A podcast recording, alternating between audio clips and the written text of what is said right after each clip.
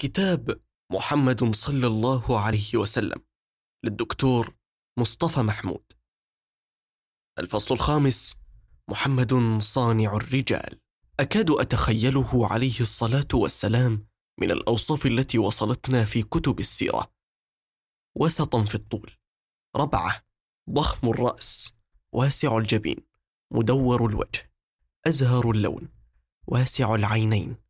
طويل الأهداب شديد سواد الحدقه مفلج الأسنان غزير اللحية بين حاجبيه اتصال خفيف وفي جبينه عرق يدره الغضب عريض الصدر كبير الكفين والقدمين خفيف اللحم متماسك البدن إذا مشى ألقى جسده إلى الأمام وسار في خطو ثابت وقد خفض بصره إلى الأرض.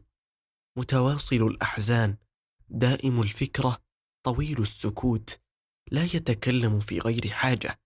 فإذا تكلم أوجز وأبلغ. دمث الطبع دون جفوة ودون رخاوة. إذا التفت التفت جميعا. وإذا تكلم تكلم من كل فمه وأشداقه. وإذا أشار أشار بكفه كلها. وإذا تعجب قلبها. وإذا تحدث اتصل بها فضرب بإبهامه اليمنى راحته اليسرى وإذا غضب أعرض وشاح. جل ضحكه التبسم لا يغضب لنفسه ولا ينتصر لها وإنما يغضب للحق وللدين وحينئذ لا يقوم لغضبه شيء. ما ضرب خادما ولا امرأة قط وما ضرب بيده شيئا إلا أن يكون جهادا في سبيل الله.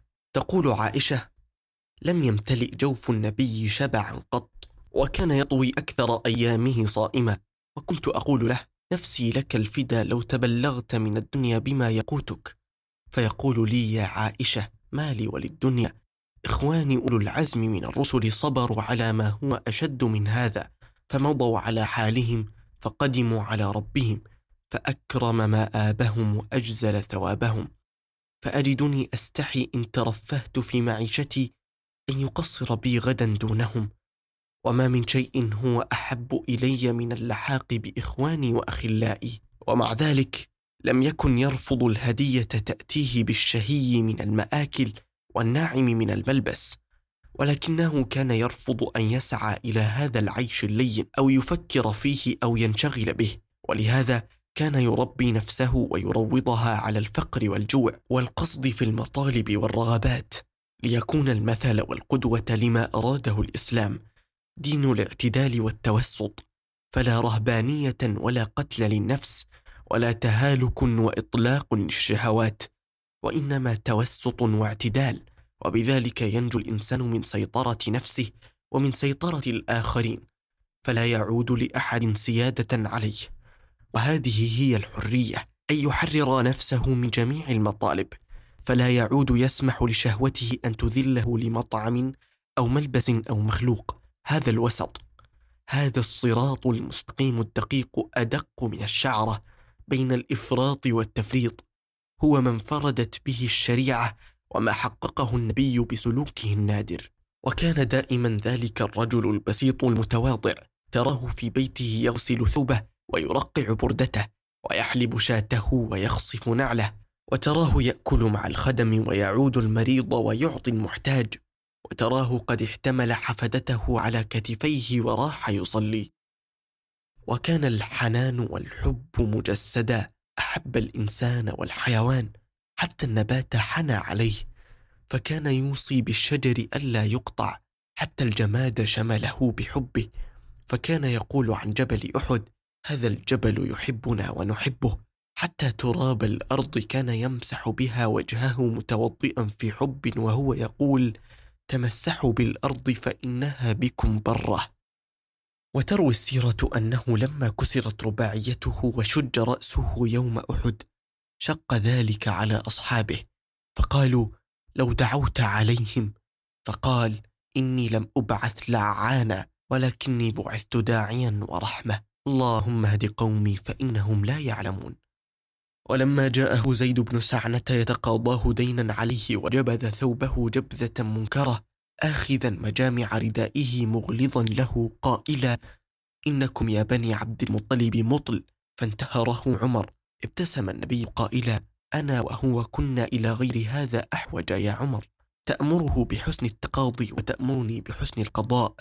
ثم قال لقد بقي من أجله ثلاث وأمر عمر أن يقضيه ماله ويزيده لما روعه فكان هذا سبب إسلامه. والقصص عن حلمه وعفوه ومحبته كثيرة لا تنتهي وكان دائما ذلك الرجل الكريم الذي وصفه أصحابه بأنه ينفق إنفاق من لا يخشى الفقر أبدا لم يحدث أن ادخر درهما وقد مات كما هو معلوم ودرعه مرهونة عند يهودي. وكان يلخص سنته فيقول المعرفة رأس مالي والعقل أصل ديني والحب مذهبي والشوق مركبي وذكر الله أنيسي والحزن رفيقي والصبر ردائي والصدق شفيعي والعلم سلاحي والجهاد خلقي وقرة عيني في الصلاة. ذلك هو محمد عليه الصلاة والسلام النبي الأمي الذي تفوق على كل القارئين والكاتبين والشريف الذي قال عنه ربه وإنك لعلى خلق عظيم وكانت ثقافته هي ما قال لأبي بكر أدبني ربي فأحسن تأديبي.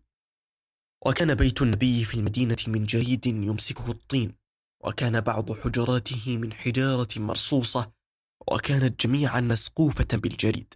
أما سريره فخشبات مشدودة بالليف عليها حشية ليف. وهذا جهاز فاطمة بنت النبي. تصفه السيرة بأنه رحاءان وسقاءان ووسادة من الليف وبعض العطر والطيب وتروي السيرة أن زوج فاطمة علي بن أبي طالب لم يستطع أن يستأجر لها خادما لفقره فكان يساعدها في أعمال البيت ونراهما يسألان النبي خادما وقد عاد من إحدى غزواته بسبي وغنائم. فيجيب النبي عليه الصلاة والسلام لا والله لا أعطيكما وأدع الفقراء من المسلمين تتلوى بطونهم لا يجدون ما يأكلون. ثم ما يلبث أن يقبل عليهما في الليل وقد انكمشا في غطائهما يرتجفان من البرد. إذا غطيا رأسيهما بدت أقدامهما وإذا غطيا أقدامهما انكشفت رأساهما فيقومان للقائه فيهمس في حنان مكانكما. ثم يضيف مترفقا ألا أخبركما بخير مما سألتماني؟ فيجيب الإثنان بلى يا رسول الله. فيقول كلمات علمنيهن جبريل. تسبحان الله في عقب كل صلاة عشرا وتحمدان عشرا وتكبران عشرا وإذا أويتما إلى فراشكما تسبحان ثلاثا وثلاثين وتحمدان ثلاثا وثلاثين وتكبران ثلاثا وثلاثين. ويقول الإمام علي فوالله ما تركتهن منذ علمنيهن. ذلك هو عطاء الأنبياء. وإنا لنرى أبوة النبي عليه الصلاة والسلام في ذلك الصحابي الذي جاء يطلب الإذن في الجهاد فنراه يسأله ألك أبوان؟ فيقول نعم فيجيبه ففيهما فجاهد وتسمع نفس القصة من معاوية بن جاهمة السلمي يقول أتيت النبي عليه الصلاة والسلام فقلت له يا رسول الله إني كنت أردت الجهاد معك أبتغي وجه الله والدار الآخرة. فإذا به يسألني أحية أمك؟ فأقول نعم. فيجيب فارجع فبرها. ثم إني لآتيه من الجانب الآخر ثم إني لآتيه من أمامه. فأعيد عليه سؤلي فيقول لي ويحك فالزم أمك فإن الجنة تحت قدميها. ويروي أبو أمامة أن رجلا قال يا رسول الله ما حق الوالدين على ولدهما فأجابه النبي هما جنتك ونارك. ذلك هو النبي الأب الذي كان يسجد فيتسلق حفيده على ظهره فيطيل من سجدته حتى يقضي الطفل حاجته كراهية منه في إزعاجه. فإذا تحدث النبي فإنه لا ينطق عن الهوى ولا يأتي باللغو وإنما ينطق بالحكمة الخالصة. يصف الجاحظ كلامه فيقول هو الكلام الذي قل عدد حروفه وكثر عدد معانيه وجل عن الصنعة ونزه عن التكلف. لا يحتج إلا بالصدق ولا يستعين بالخلابة ولا يستعمل المواربة ولا يهمز ولا يلمز ولا يبطئ ولا يعجل. لم يقم له خصم ولم يفحمه خطيب. ولم يسمع الناس بكلام أعم نفعا ولا أجمل مذهبا ولا أحسن موقعا ولا أسهل مخرجا ولا أفصح معنى ولا أبين في فحوى من كلامه صلى الله عليه وسلم. وكثير من كلامه عليه الصلاة والسلام يجري مجرى الأمثال. لن يهلك امرؤ بعد مشورة. رحم الله عبدا قال خيرا فغنم أو سكت فسلم. ليس الإيمان بالتمني ولكن ما وقر في القلب وصدقه العمل. نعمتان مغبون فيهما كثير من الناس الصحة والفراغ. لا يلدغ المؤمن من جحر مرتين إنما الأعمال بالنيات وإنما لكل امرئ ما نوى. ما أكل أحد طعاما قط خيرا من أن يأكل من عمل يديه. ليس الشديد بالسرعة إنما الشديد الذي يملك نفسه عند الغضب. اليد العليا خير من اليد السفلى وقد عرف عن النبي السهولة واليسر والبعد عن المغالاة وطلب الاعتدال وكانت وصيته لسفرائه الذين بعث بهم ليفقهوا الناس في الدين يسروا ولا تعسروا وبشروا ولا تنفروا وسددوا أي اعتدلوا وتوسطوا وقاربوا أي قاربوا من الغاية ما استطعتم. إن هذا الدين متين فأوغلوا فيه برفق ولا تبغضوا إلى أنفسكم عبادة الله فإن المنبت أي المرهق نفسه في السير لا أرضا قطع ولا ظهرا أبقى. ومن ذلك أن رجلا حديث عهد بإسلام جاء النبي فقال له إنه لا يطيق الصلوات كلها وإنه يتعهد ببعضها. فلم ينهه الرسول فتعجب الصحابة فقال لهم بعدما ذهب إذا تمكن الإيمان من قلبه فسيصليها جميعا. ومن خصائص الإسلام أنه لا يرى الخير الأمثل في حياة الصوامع ولا يراه أيضا في لذات الواقع الهابطة. وإنما هو يهذب الواقع ما استطاع ويمد منه الجسور ليصعد به إلى الحياة المثلى خطوة خطوة دون إرهاق للفطرة والطبع. ولولا هذا الرفق واللين في تعهد النفس ورياضتها لبقيت الأمثال في أبراجها حبرا على ورق ولضاع الإنسان في حضيض المادة كما تضيع المياه العذبة في ثنايا الرمل. وجاء في الحديث ما انتقم رسول الله لنفسه قط وما خير بين أمرين إلا اختار ايسرهما ما لم يكن إثما. جاء أعرابي إلى رسول الله وهو بين صحابته فأعطاه وسأله هل أحسنت؟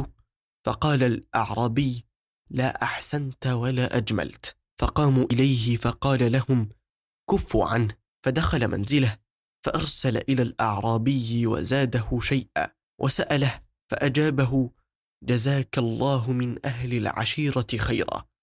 فقال الرسول إذا كانت الغداة وحضرت مع أصحابي فقل لهم ما قلت فقد أصبح في نفوسهم شيء فقالها بحضورهم فذهب ما كانوا يجدون عليه. ثم قال الرسول مثلي ومثل هذا الأعرابي كرجل له ناقة ضلت فأخذ الناس يهيجونها فقال خلوا بيني وبين ناقتي. فأخذ لها من قمام الأرض فردها هونا هونا حتى استناخت وشد عليها راحلتها. وفي الحديث الشريف سبعة يظلهم الله في ظله يوم لا ظل إلا ظله. إمام عادل وشاب نشأ في عبادة ربه ورجل قلبه معلق في المساجد ورجلان تحابا في الله اجتمعا عليه وتفرقا عليه. ورجل دعته امرأة ذات منصب وجمال فقال إني أخاف الله. ورجل تصدق بصدقة فأخفاها فلا تعلم شماله ما تنفق يمينه ورجل ذكر الله خاليا ففاضت عيناه. ومن كلماته البليغة يد الله مع الجماعة وإنما يصيب الذئب من الغنم الشاردة حفت الجنة بالمكاره وحفت النار بالشهوات. لا يؤمن أحدكم حتى يكون هواه تبعا لما جئت به. وقال للذي تشفع في شأن المرأة المخزومية التي سرقت إنما أهلك الذين قبلكم أنهم كانوا إذا سرق الشريف تركوه وإذا سرق فيهم الضعيف أقاموا عليه الحد وقال لصحابته ذات يوم أتدرون من المفلس يوم القيامة؟ قالوا المفلس فينا من لا درهم له ولا متاع فقال الرسول المفلس هو من يأتي يوم القيامة وقد شتم هذا وضرب هذا وأكل مال هذا وسفك دم هذا فيعطى هؤلاء من حسناته حتى إذا نفدت. طرح عليه من خطاياهم ثم طرح في النار. وفي رواية مسلم أن النبي قال المؤمن القوي خير وأحب إلى الله من المؤمن الضعيف وفي كل خير. وفي إشادة النبي بالقوة توكيد على أن الإسلام فحولة وليس تخاذلا ورخاوة واستسلاما. ويقول الرسول للذي سأله أوصني مجيبا إياه في كلمة واحدة لا تغضب فيكرر السائل سؤاله ثلاثا فلا يزيد الرسول عن هذه الكلمة لا تغضب ويقول تفكروا في المخلوق ولا تفكروا في الخالق فإن الله لا تحيط به الفكرة. وعرف عن النبي أنه كان إذا استشهد بأبيات من الشعر كسر أوزانها عامدا. فينطق بيت طرفة المشهور هكذا ستبدي لك الأيام ما كنت جاهلا ويأتيك من لم تزود بالأخبار بدلا من تلاوته على وزنه الأصلي ويأتيك بالأخبار من لم تزودي ويقول الرافعي في هذا إنه لم يمنع النبي من إقامة وزن الشعر إلا ما أنزل الله في القرآن من منعه من إنشائه. وما علمناه الشعر وما ينبغي له إن هو إلا ذكر وقرآن مبين. فلو أنه أنشد الشعر على وزنه لأدركه الوجد به.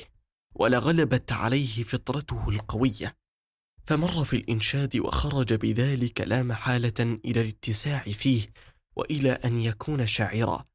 ولو أنه تكلف الشعر لذهب مذاهب العرب ونافس فيها ثم لجاراهم فيما تستوقد له الحمية وهذا أمر يدفع بعضه إلى بعض ثم لا يكون في جملته إلا أن ينصرف عن الدعوة. ثم يأتي بعد ذلك أصحابه وخلفاؤه فيأخذون فيما أخذ فيمضون على ما كان من أمرهم في الجاهلية ويستطير ذلك في الناس ويستبد بهم ومتى استبد بهم لم تقم للإسلام قائمة. ولكن عدم إنشاد النبي للشعر لم يكن يعني عدم تذوقه فقد عرف عن النبي حسن تذوقه للشعر. وطربه للقصيد الجيد. وقد عفى عن كعب بن زهير حينما أنشده لاميته المشهورة بانت سعاد. ورمى عليه بردته استحسانا كما كان يضطرب إلى الخسناء في شعرها عن أخيها صخر ويستزيدها قائلا هيا يا خناس وكان يدعو شاعره حسان بن ثابت ليرد على قصائد الوفود بالشعر. إنما منع الرسول عن صنعة الشعر لا عن تذوقه صيانة لشخصه الكريم من التقليد. فقد أراده الله أن يكون فريدا متفردا في عصره لا يجري لسانه بتكلف ولا يصطنع الكلام اصطناعا وطهر قلبه ليكون وعاء لكلماته الإلهية.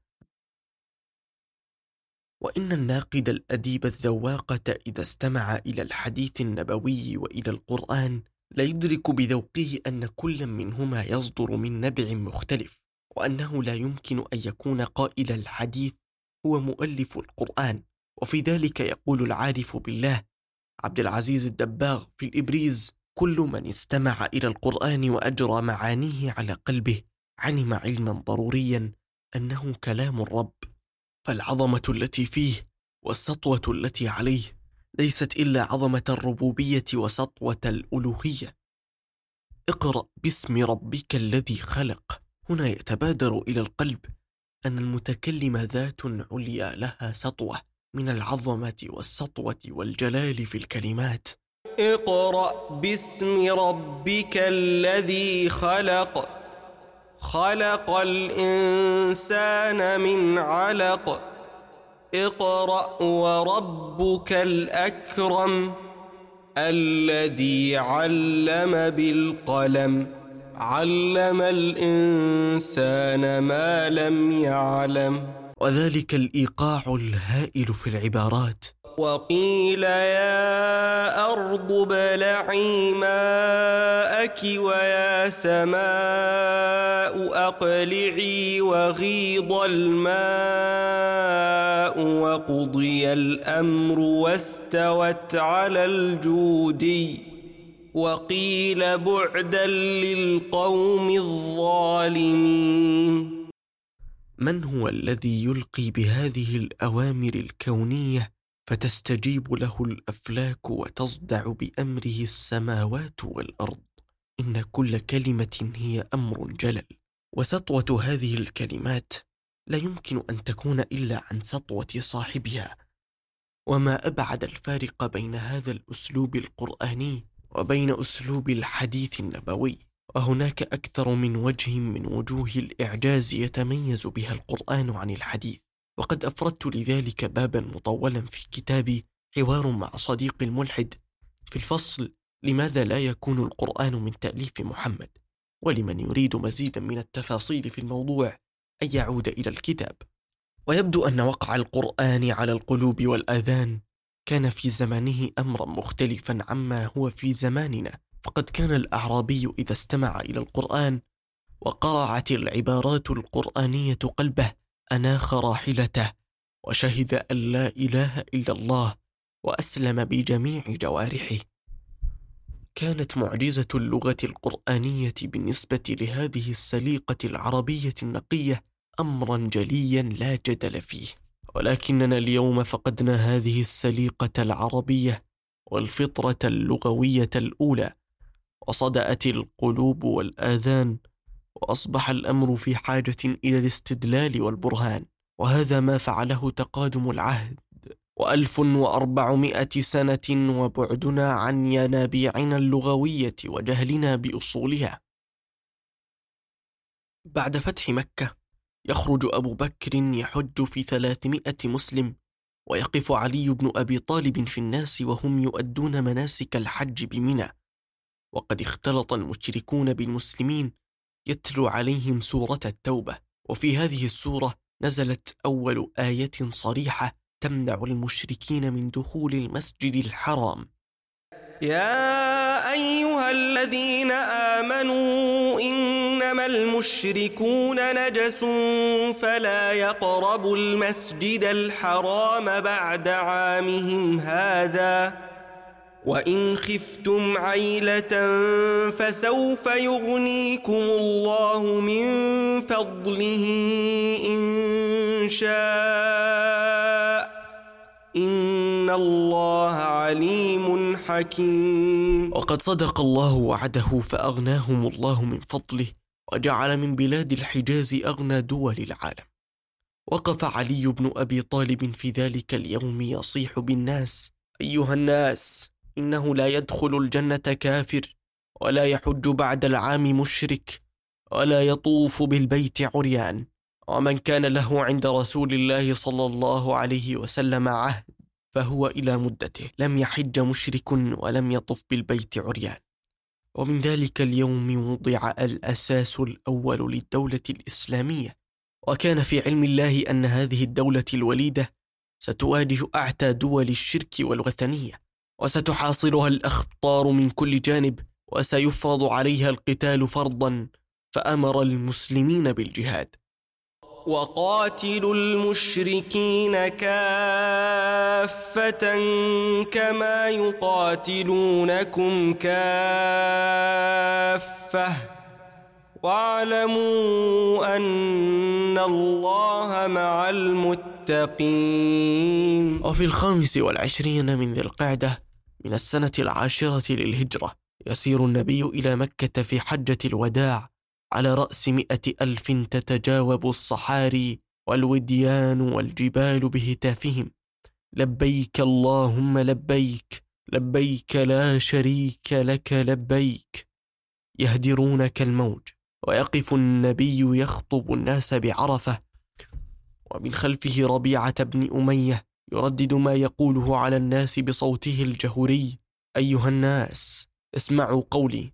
فإني لا أدري لعلي لا ألقاكم بعد عامي هذا في هذا الموقف أبدا. أيها الناس إن دماءكم وأموالكم عليكم حرام وإنكم ستلقون ربكم فيسألكم عن أعمالكم وقد بلغت. وإن كل ربا موضوع وإن ربا العباس بن عبد المطلب موضوع كله. وإن كل دم في الجاهلية موضوع وإن الزمان قد استدار كهيئته يوم خلق الله السماوات والأرض وإن عدة الشهور عند الله اثنا عشر شهرا منها أربعة حرم.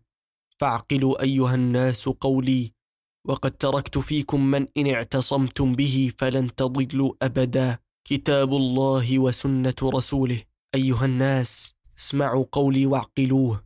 إن كل مسلم أخ للمسلم ولا يحل لامرئ من أخيه إلا ما أعطاه من طيب نفس منه فلا تظلموا أنفسكم. اللهم هل بلغت فتتجاوب الأصداء من كل صوت؟ نعم. فيقول اللهم فاشهد ويتلو الآية.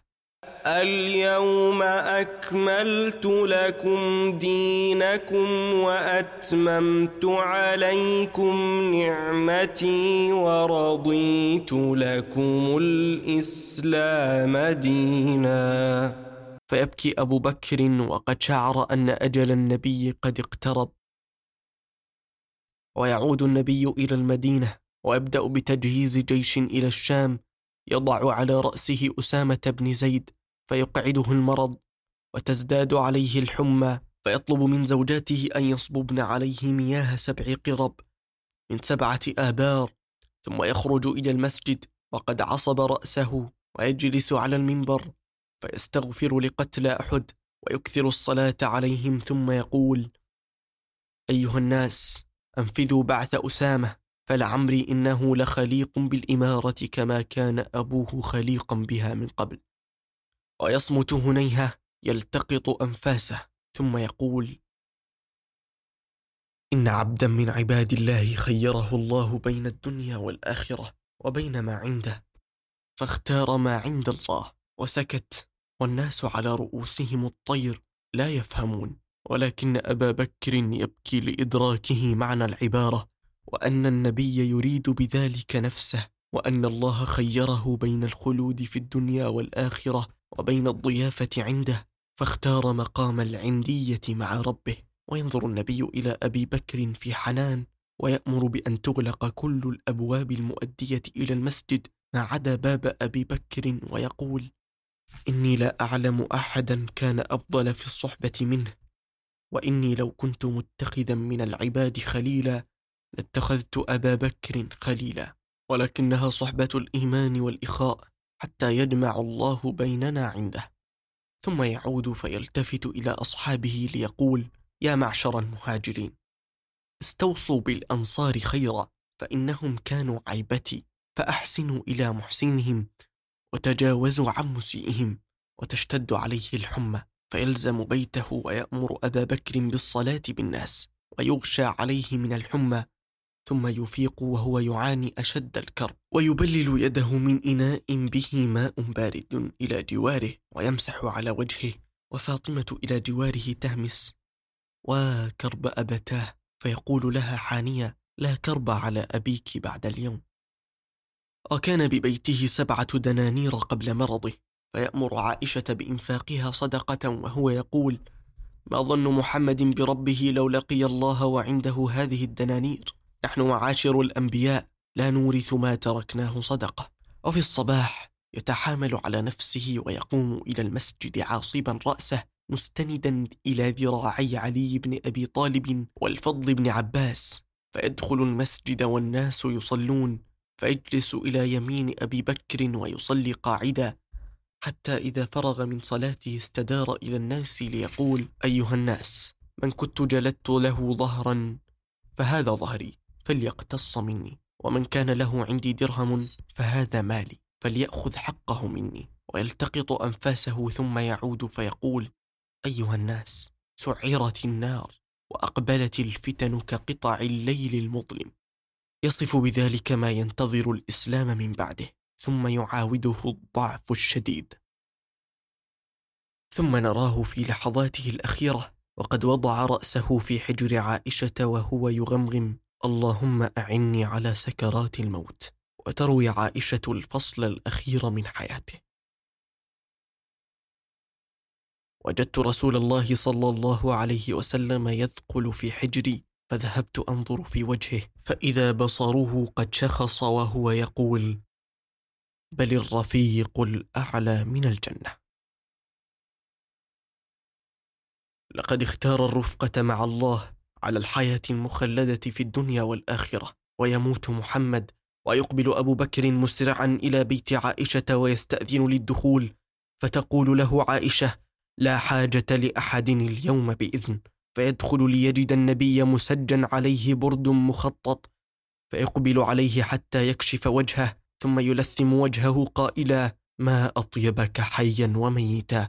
ثم يعيد الرأس إلى الوسادة. ويرد البرد على وجهه. ويخرج إلى الناس الذين أنكروا موته في الخارج. وعلى رأسهم عمر يهدد كل من يقول بموت النبي. ويقف أبو بكر فيهم ليقول بصوت ثابت. أيها الناس من كان يعبد محمدا فإن محمدا قد مات. ومن كان يعبد الله فإن الله حي لا يموت. ثم يتلو قوله تعالى وما محمد الا رسول قد خلت من قبله الرسل افان مات أو قتلا انقلبتم على اعقابكم ومن ينقلب على عقبيه فلن يضر الله شيئا وسيجزي الله الشاكرين ولما يسمع عمر أبا بكر يتلو الآية يخر إلى الأرض ما تحمله رجلاه وقد أيقن أن رسول الله قد مات. ويقف أبو بكر بعد أن تمت له البيعة ليقول تلك الكلمة العملاقة. أما بعد أيها الناس فقد وليت عليكم ولست بخيركم فإن أحسنت فأعينوني وإن أسأت فقوموني. الصدق أمانة والكذب خيانة والضعيف فيكم قوي عندي حتى أعيد له حقه إن شاء الله. والقوي فيكم ضعيف حتى آخذ منه الحق إن شاء الله. لا يدع قوم الجهاد في سبيل الله إلا ضربهم الله بالذل. ولا تشيع الفاحشة في قوم إلا عمهم الله بالبلاء.